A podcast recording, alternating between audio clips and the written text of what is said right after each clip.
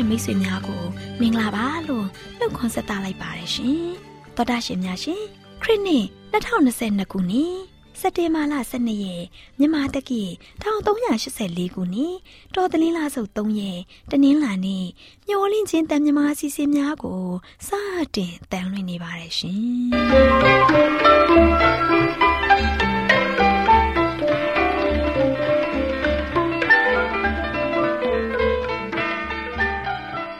တော်တာရှင်များခင်ဗျာမျောလင့်ချင်းအတန်မြန်မာအစီအစဉ်ကိုနက်နက်6နာရီမိနစ်30မှ9နာရီအထိ16မီတာ kHz တစ်ခွန်ခွန်23ညညပိုင်း9နာရီမှ9နာရီမိနစ်30အထိ25မီတာ kHz 11943ညမှအတန်လွှင့်ပေးနေပါတယ်ခင်ဗျာ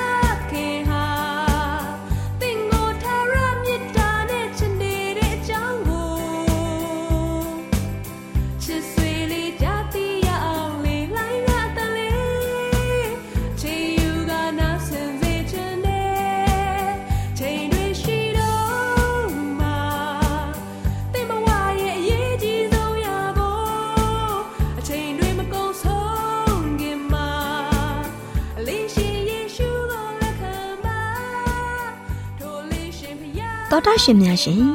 နေ့စဉ်အသက်တာခရစ်တော်၌တာအစီအစဉ်ကိုတိတ်ခါရောရစီဟာဥဆိုင်တာတွေးထံမှာမှတ်သားနိုင်ယူကြပါစို့လားရှင်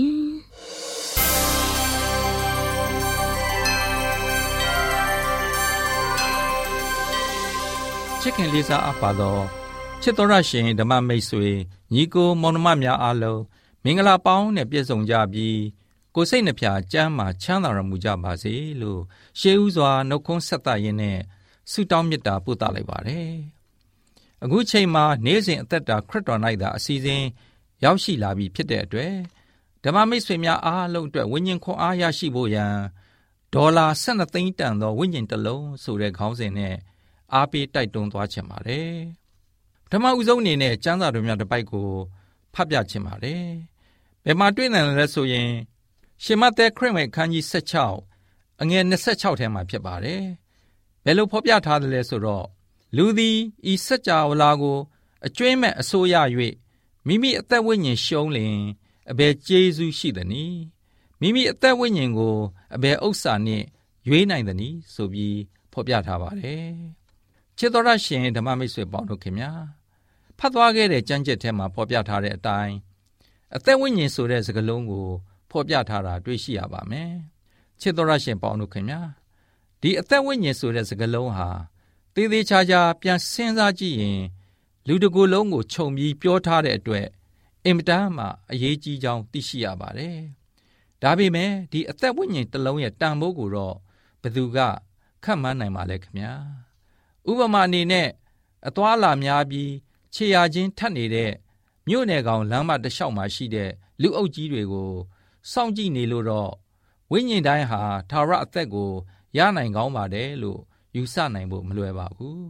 တကယ်လို့ကျွန်တော်တို့အားလုံးအနေနဲ့ရှင်ယောဟန်ခရစ်ဝင်ခန်းကြီး3အငယ်16ထဲမှာဖော်ပြထားတဲ့ဖျားသခင်သားတော်ကိုယုံကြည်သောသူအပေါင်းတို့သည်ပျက်စီးခြင်းသို့မရောက်သာရအသက်ကိုရစေခြင်းကဆိုတဲ့စကားအတိတ်ပဲကိုတည်တည်ချာချာနားလည်ကြမယ်ဆိုရင် ကျွန်တော်တို့ရဲ့ဘာသာတရားရေးရမှာကိုယ်ပိုင်ဝါသနာတွေအတွက် အချိန်ပေးတာနည်းသွားပြီး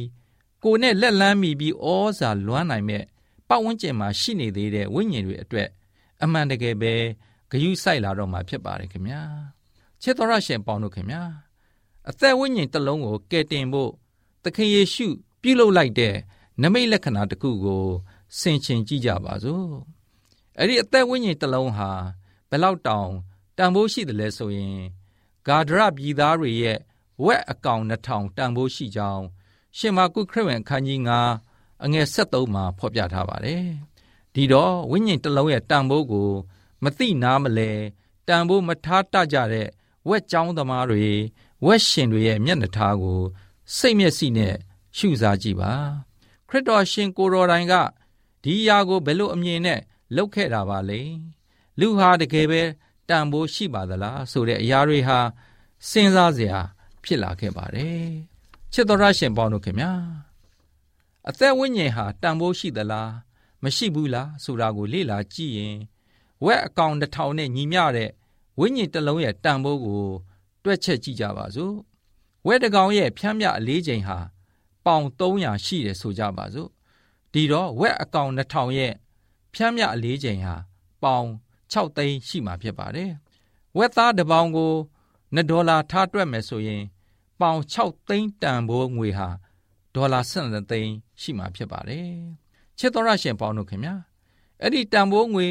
ဒေါ်လာ12သိန်းကိုတော့ဂါဒရပြည်သား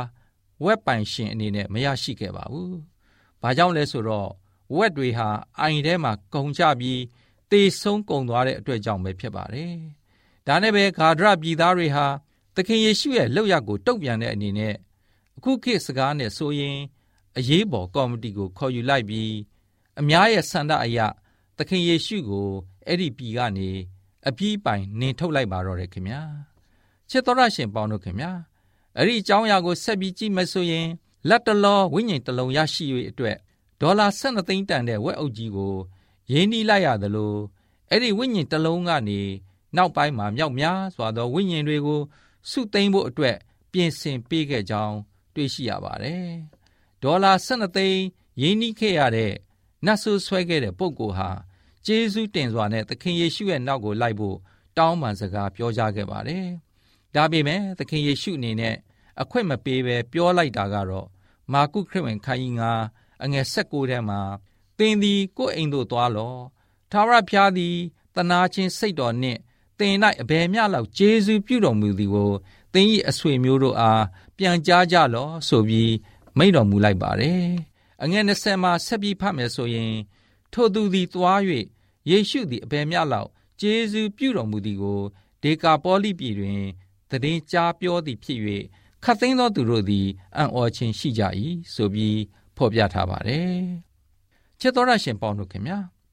ဝိညာဉ်တော်ရေးသားထားတဲ့စာတော်ထဲမှာဘယ်လိုပြောထားတယ်ဆိုရင် ကောင်းသောမျိုးစေ့သည် တခါတရံတွင်အေးဆက်၍လောကီဆန်သောအတ္တနှလုံးသားမြေပေါ်တွင်ကြာရောက်သဖြင့်အမျက်မတွယ်နိုင်ပဲရှိကောင်းရှိပေမည်သို့သောဖျားသခင်ဝိညာဉ်တော်သည် မကြာခဏထိုနှလုံးသားမြေသားကို ခြေဖွပေး၍ကောင်းငင်ပုံမှနင်းရည်များနှင့်ပက်ဖြန်းလိုက်သဖြင့်နှစ်ရှည်လများဖုံးကွယ်နေသောမျိုးစေ့သည် အပင်ပေါက်လာကနောက်ဆုံးတွင်ဖျားဤဘုံတော်ကိုထင်ရှားစေရန်အတွက်အသီးကိုယူဆောင်လာပါတော့သည်ဆိုပြီး ဖော်ပြထားပါတယ်အသက်တာမှာအောင်မြင်ခြင်းရရှိနိုင်ကြပါစေ။။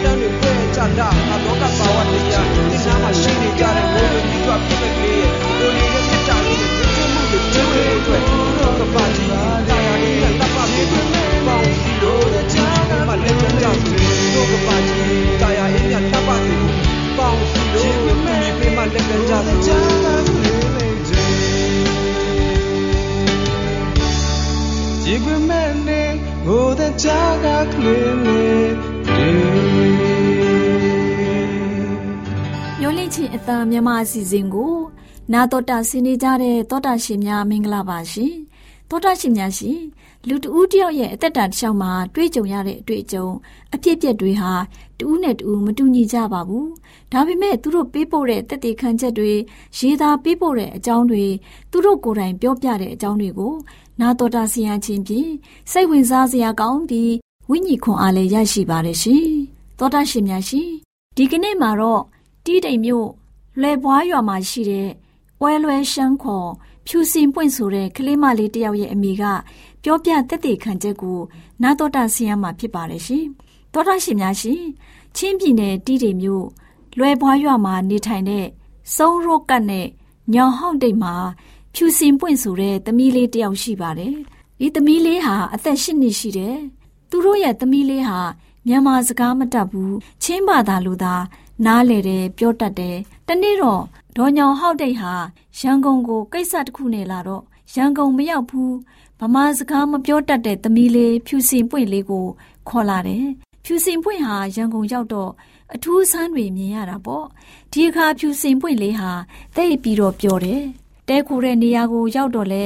ဖះเจ้าကအကြီးကြီးအိမ်ကလည်းအမြင့်ကြီးဆိုတော့ဖြူစင်ပွင့်အတွက်တိတ်ပျော်တာပေါ့ တဲခိုတဲ့နေရာကအမှတ်60ရှိဥဝိစာရလန် SDA ဖះเจ้าဝင်းမှာဖြစ်တယ်ဖြူစင်ပွင့်ဟာအနေကြာလာတော့နေရတာပြင်းလာတယ်ဗမာလိုမပြောတတ်တော့အပေါင်းအသင်းလည်းမရှိဘူးပေါ့မိဘတွေမသိအောင် အပြင်ထွက်ပြီးသူ့အတွက်ထူးဆန်းတာတွေကိုလိုက်ကြည့်တတ်တယ်တခါတလေမိဘတွေနဲ့မင်းချောင်းလမ်းဘက်ကိုသွားလေတတ်တယ်။တနေ့တော့ဖြူစင်ပွင့်လေးဟာသူ့မိဘတွေမအားတဲ့နေ့ သူတယောက်တည်းပြေးနေတဲ့အချိန်မှာသူ့အမေသွားနေကြအိမ်ဖြစ်တဲ့မင်းချောင်းလန်းသာသနာဝန်ထမ်းတွေနေတဲ့အိမ်ယာကိုသွားလေတယ်။အသွားကတော့ရှော့ရှော့ရှူရှူနဲ့သွားတတ်ပေမဲ့အပြန်ခီးမှာတော့လမ်းအကွေမှားပြီးလမ်းမသွားရှာတယ်။ဖြူစင်ပွင့်ဟာလမ်းမကျဲကိုရောက်သွားတဲ့အခါဘဲလန်းကို꿰လို့ဘယ်လန်းကိုသွားရပါမလဲဆိုတာမသိတော့ပဲခြေဥတဲ့ရာရှောက်သွားတော့တာပါပဲသူမရဲ့အမေကလည်း မင်းเจ้าလားအိမ်မှာရှိမှာပဲဆိုပြီးအေးအေးဆေးဆေးနေတာပေါ့ဖြူစင်ပွင့်ဟာမနေ့ကတည်းကသူတဲခိုတဲ့နေရာဝင်းကြီးကို တွေ့လို့တွေ့ညာဆက်လျှောက်တယ်မတွေ့ရဘဲနဲ့ဘယ်ရောက်ဘယ်ပေါင်မှန်တောင်မှသူမသိဘူးခက်တာကဗမာစကားလည်းမတဗမာလိုလဲနားမလဲတော့ဘဲသူကိုဘယ်လိုမေးရမှာလဲတဲခိုတဲ့လိပ်စာလည်းမသိဖြစ်နေတယ်ဒီလိုနဲ့နေကလည်းပူလာတယ်မုန်းတဲ့ချိန်ရောက်လို့လာပြီကိုထမင်းကလည်း စားလာတော့မျက်နာမှာချွေးသည်ချွေးပေါက်တွေနဲ့ငိုမဲ့မဲ့မျက်ရည်ရွှဲလာပြီးဟိုဒီကြည့်လို့နေချိန်မှာမွတ်စလင်ဘာသာဝင် ဖုံးတော်ကြီးတစ်ပါးကသူ့ကိုမြင်တဲ့အခါတနာသွားတယ်နောက်ပြီးတော့ဒီကလေးမှကြည့်ရတာမူမမှန်ဘူးမေးကြည့်မှာပဲဆိုပြီးစကားသွားပြောတော့ခလေးမလေးကဗမာစကားမှမတတ်ဘဲမပြောတတ်ဘူးပေါ့ကလားလိုပြောလဲမပြောတတ်အင်္ဂလိပ်လိုမေးလဲနားမလဲ ဖုံးတော်ကြီးလဲမျက်စိလဲအခက်တွေ့တော့တာပဲဘယ်လို့မှမေးလို့မရတော့ဖုံးတော်ကြီးဟာသူ့အိမ်ကိုပြန်ခေါ်သွားတယ်ဖြူစင်ပွင့်လဲလိုက်သွားတာပေါ့ဘုံတော်ကြီးအိမ်ရောက်တဲ့အခါမှာအိမ်သားတွေကိုအကျိုးအကြောင်းပြောပြပြီးတနာလို့အိမ်ခေါ်လာတဲ့အကြောင်းကိုလည်းပြောပြတယ်နောက်တော့ဖုံးတော်ကြီးရဲ့မိသားစုကလက်ဖက်ရည်နဲ့မှုတ်ကျွေးတယ်။ဖြူစင်ပွင့်ကလက်ဖက်ရည်မတောက်ဘူး။ကော်ဖီတိုက်တော့လည်းမတောက်ဘူး။မုံတော့စားတယ်။ သူ့ကိုလည်းလက်ဖက်ရည်တွေကော်ဖီတွေဘယ်လိုတိုက်တိုက်မတောက်ဘူး။ဒါနဲ့ဖုံးတော်ကြီးကသူ့ကိုမိဘတွေကမတောက်ရဘူးပြောထားလားလို့မေးတော့ခေါင်းငိတ်ခေါင်းခါလည်းမရှိတော့ဘုံတော်ကြီးအခက်တွေ့တာပေါ့။ဘုံတော်ကြီးဟာစဉ်းစားလိုက်တယ်။ဒီကလေးမလေးဟာလက်ဖက်ရည်ကော်ဖီမတောက်ဘူးဆိုတော့တတမနေအသင်းတော်ကပဲဖြစ်နိုင်တယ်ဆိုပြီးချက်ချင်းပဲအမှတ်60ရှိဥဝိစာရလမ်းမှာရှိတဲ့တတမနေအသင်းတော်ကိုခလေးမလေးကိုခေါ်လာတယ်။ အဲ့ဒီလိုခေါ်လာတဲ့အခါတတမနေအသင်းတော်ကိုရောက်တဲ့အခါမှာဖြူစင်ပွင့်ပြောက်လို့လိုက်ရှာနေတဲ့မိဘတွေနဲ့တွေ့သွားပြီးလာပို့ပေးတဲ့မွတ်စလင်ဘုန်းတော်ကြီးကိုကျေးဇူးတင်ကြောင်းပြောကြတယ်။ဘုန်းတော်ကြီးလည်းသူတစ်ပါးရဲ့အခက်အခဲကိုကူညီပေးရတဲ့အတွက်ဝမ်းသာပီတိဖြစ်နေပါတော့တယ်။တောတရှိများရှင်ဖြူစင်ပွင့်လေးဟာလက်ဖက်ရည်ကော်ပီမတောက်ပဲအသင်းတော်ရဲ့စီကန်းကိုလိုက်နာယုံတာမကဘူး။ အသင်းတော်အပေါ်မှာတစ္ဆာရှိတဲ့ကလေးမလေးအဖြစ်ဖုံးတော်ကြီးကိုတက်တည်ပြနိုင်တဲ့အတွက်စိတ်နှလုံးကောင်းလာတဲ့ဖုံးတော်ကြီးလည်းတတ္တမနေအသင်းတော်အကြောင်းကိုပိုသိရှိပြီးသူ့ကိုကူညီမဆနိုင်ခဲ့တယ်။တောတရှိမိတ်ဆွေတို့လည်းဖြူစင်ပွင့်လေးအကြောင်းကိုသိရှိရခြင်းဖြင့်အရာရာတိုင်းမှာဂတိတစ္ဆာတည်ကြည်နိုင်တဲ့သူတွေဖြစ်ကြပါစေရှင်တောတရှင်များရွှေလန်းချမ်းမြေ့ကြပါစေရှင်ကြီးမြတ်တဲ့သူ ရဲ့ဘုံတော်အားအိုညကချီမြောက်ကိုွယ်ပါနိုင်ရှိတဲ့သူရဲ့မြတ်တာဘုံခံကချီးမွမ်းရင်သာရှင်သမ္မာသင်ရဲ့ဘဝလေပါ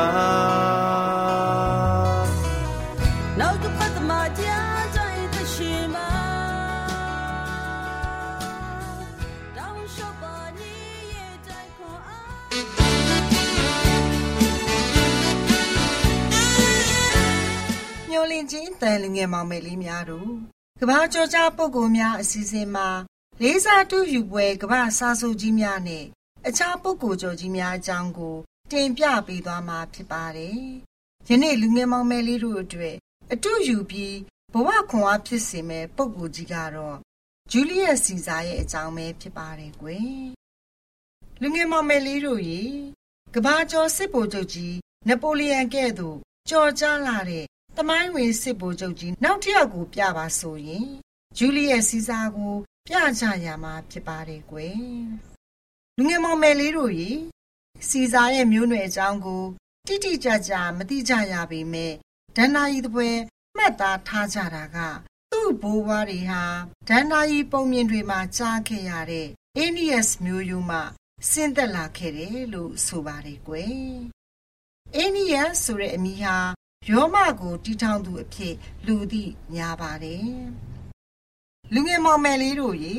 ဂျူလီယက်စီဇာဟာသူ့ကိုယ်သူမြင့်မြတ်ကြီးကျယ်တဲ့ဂျူလီယန်မိသားစုကနေစင်းသက်ပေါက်ဖွားခဲ့တယ်လို့ခံယူထားပါတယ်။ဒါကြောင့်သူ့ကိုမင်းဆိုးရာစာစိတ်ကြီးဝင်နေသူလို့ပြောကြတာပါကွယ်။အဲ့ဒီစိတ်ကြောင့်သူဟာအမြဲဆိုသလိုပင်အုတ်ချုပ်သူစီးနှိမ်အဖွဲ့နဲ့သဘောကွဲလဲတက်ပြီး ပฏิပခဖြစ်ရတယ်လို့ဆိုကြပါတယ်။ဒါပေမဲ့အဲ့ဒီသဘောကွဲလဲတာတွေပဋိပက္ခတွေရှိနေတဲ့ကြားကစီဇာဟာနိုင်ငံရေးမှာရောက်လာအောင်စွမ်းဆောင်နိုင်ခဲ့လို့သူ့ရဲ့ထက်မြက်တဲ့အရေးအသွေးကို အတိအမှတ်ပြုကြရမှာပါလူငယ်မောင်မယ်လေးတို့ရေစီဇာဟာအရက်အမောင်မြင့်မာပြီးကိုလုံးကိုတဲ့သေးသွယ်ပြီးမဲ့သူ့ရဲ့ရုပ်သွင်းကတီကြီးမြင့်မြတ်တဲ့အသွင်းကို ဆောင်းနေတယ်လို့ဆိုကြပါတယ် သူ့ရဲ့အမူအရာတည်ငြိမ်ခြင်းနှစ်သက်ဖွယ်အသွင်ရှိခြင်းတန်ခင်းတမန်ခင်းသဘောကိုနားလည်ခြင်းလူတွေရဲ့ချစ်ကြည်လေးစားခြင်းကိုခံရခြင်းတွေက သူ့ရဲ့ထူးခြားတဲ့အရေးအသွေးကောင်းတွေပါအဲ့ဒီအရေးအသွေးတွေကြောင့်စိနေကသူ့ကိုကြောက်ရွံ့လာကြပါတယ်ကွယ်သူ့ရဲ့နိုင်ငံရေးစိတ်ဝင်စားမှုနဲ့ပြည်သူကြားမှာနာမည်ကြီးမားလာမှုတွေအပေါ်မှာမလွန်မုန်းထားရှိလာကြပါတယ်ကွယ်လူငယ်မောင်မယ်လေးတို့ရေ သူဟာယောမရဲ့အကြီးမားဆုံးသောစစ်သားကြီးတယောက်ဘဝကို ရောက်နေပြီမဲ့အသက်40အရွယ်ရောက်တဲ့တိုင်အောင်စစ်ပွဲကြီးတွေမှာစွန်းစွန်းတမန်ဥဆောင်တိုက်ခိုက်ခဲ့တဲ့အတွေ့အကြုံမရှိသေးပါဘူးကွယ်စပိန်ကတောင်ပေါ်တိုင်းရင်းသားတွေကိုတိုက်ခိုက်ပြီးတဲ့နောက်ပိုင်းရောမကိုပြန်လာတဲ့အခါစီဇာဟာအလွန်မှအင်အားကြီးမားလာပါတယ်သူဟာစစ်တပ်အကြီးအကဲပွန်ပေစီးပွားရေးသမားခရစ်စတူနဲ့ပေါင်းပြီး စီးနှိမ်နဲ့အင်အားပြိုင်လာပါတယ်လူငယ်မောင်မယ်လေးတို့ရေစီဇာရဲ့နိုင်ငံရေးစွမ်းရည်ပွန်ပေးရဲ့ဩဇာအာဏာ process ရဲ့ငွေကြေးတွေကိုပေါင်းလိုက်တဲ့အခါမှာတော့စီဇာဟာနိုင်ငံရေးမှသာမကစစ်တပ်ရဲ့အာဏာကိုပါအကြာကြီးထိန်းထားနိုင်ခဲ့ပါတယ်။အဲ့ဒီအခါမှာအာဏာရှင်တွေရဲ့အစဉ်အလာတိုင်းပထမဦးစွာဂေါလူမျိုးတွေကိုတိုက်ခိုက်တင်သွင်းလိုက်ပါတယ်။ စီဇာဟာဗီတိန်ကိုနှစ်ကြိမ်ဝင်ရောက်တိုက်ခိုက်ခဲ့ပါတယ်။စပိန်နဲ့အာဖရိကဒေသတွေကိုဆက်ပြီးတော့တိုက်ပါတယ်။ယောမရဲ့အုပ်ချုပ်ရေးစနစ်ကို ပြန်ပြင်တယ်။ပြက်ကလေးအသစ်ရေးဆွဲတယ်။စက်မှုပညာထွန်းကားလာအောင်ကြိုးပမ်းတယ်။အောင်မြင်လာတာနဲ့အမျှသူ့ကိုယ်ကိုဘရင်တစ်ပါးသို့မဟုတ်ဖျားတဆူလိုသဘောထားလာပါတယ်။အဲ့ဒါကိုမနစ်သက်လို့မလိုလားတဲ့ Brutus နဲ့ Cassius တို့ကသူ့ကိုလှုပ်ကြံလိုက်ကြတဲ့အတွက်သူ့ရဲ့ဘဝဏီကုံချုပ်ခဲ့ရပါတယ်ကွယ်လူငယ်မောင်မယ်လေးတို့ရေကမ္ဘာထိပ်တန်းရောက်ပုပ်ကိုကျော်ကြီးတွေဟာဆင်းရဲခြင်းရဲ့ဒဏ်ကိုကြံ့ကြံ့ခံရင်ဆိုင်နိုင်ကြပါတယ်မိမိတို့ရဲ့လူရပန်းနိုင်စီတို့မလျှော့သောဆွဲတက်တီနဲ့အရောက်တက်လန်းနိုင်ကြပါတယ်စိတ်တကြတာအလျှော့ပေးတာတွေလည်းမရှိကြပါဘူးဘလို့အခွင့်အရေးဘာကိုမှရယူခြင်း မမက်မောကြပါဘူးကွယ်မိမိတို့ကြောင့်လူတကာအကျိုးရှိရမယ်လူလောကကြီးတာယာလှပလာမယ်ဆိုရင် အတိုင်းမသိဝမ်းမြောက်ဂုဏ်ယူတတ်ကြပါတယ်လူငယ်မောင်မယ်လေးတို့ရေဒီနေ့ကြားသိရတဲ့ကဘာကျော်ပုဂ္ဂိုလ်ကြီးရဲ့အကြောင်းကတော့ရောမသမိုင်းမှာအထင်ရှားအကြီးကျယ်ဆုံးပုဂ္ဂိုလ်ကြီးတူဖြစ်တဲ့ဂျူလီယက်စီဇာရဲ့အကြောင်းပဲဖြစ်ပါတယ်ကွယ်။မျော်လင့်ခြင်းအတန်တော်တရှင်များရှင်။ကဘာကျော်ကြားပုဂ္ဂိုလ်များအစည်းအဝေးမှာ လေးစားအတွေ့ယူပွဲကဘာစားစုကြီးများနဲ့အခြားပုဂ္ဂိုလ်ကျော်ကြီးများစာအုပ်မှာစာရေးသူဆရာကြီးဦးဝံထိန်ရေးသားထားတဲ့ဂျူလီယက်စီဇာရဲ့အကြောင်းကို ကောက်နှုတ်တင်ဆက်ပေးခဲ့ခြင်းပဲဖြစ်ပါတယ်ရှင်။ကျေးဇူးတင်ပါတယ်ရှင်။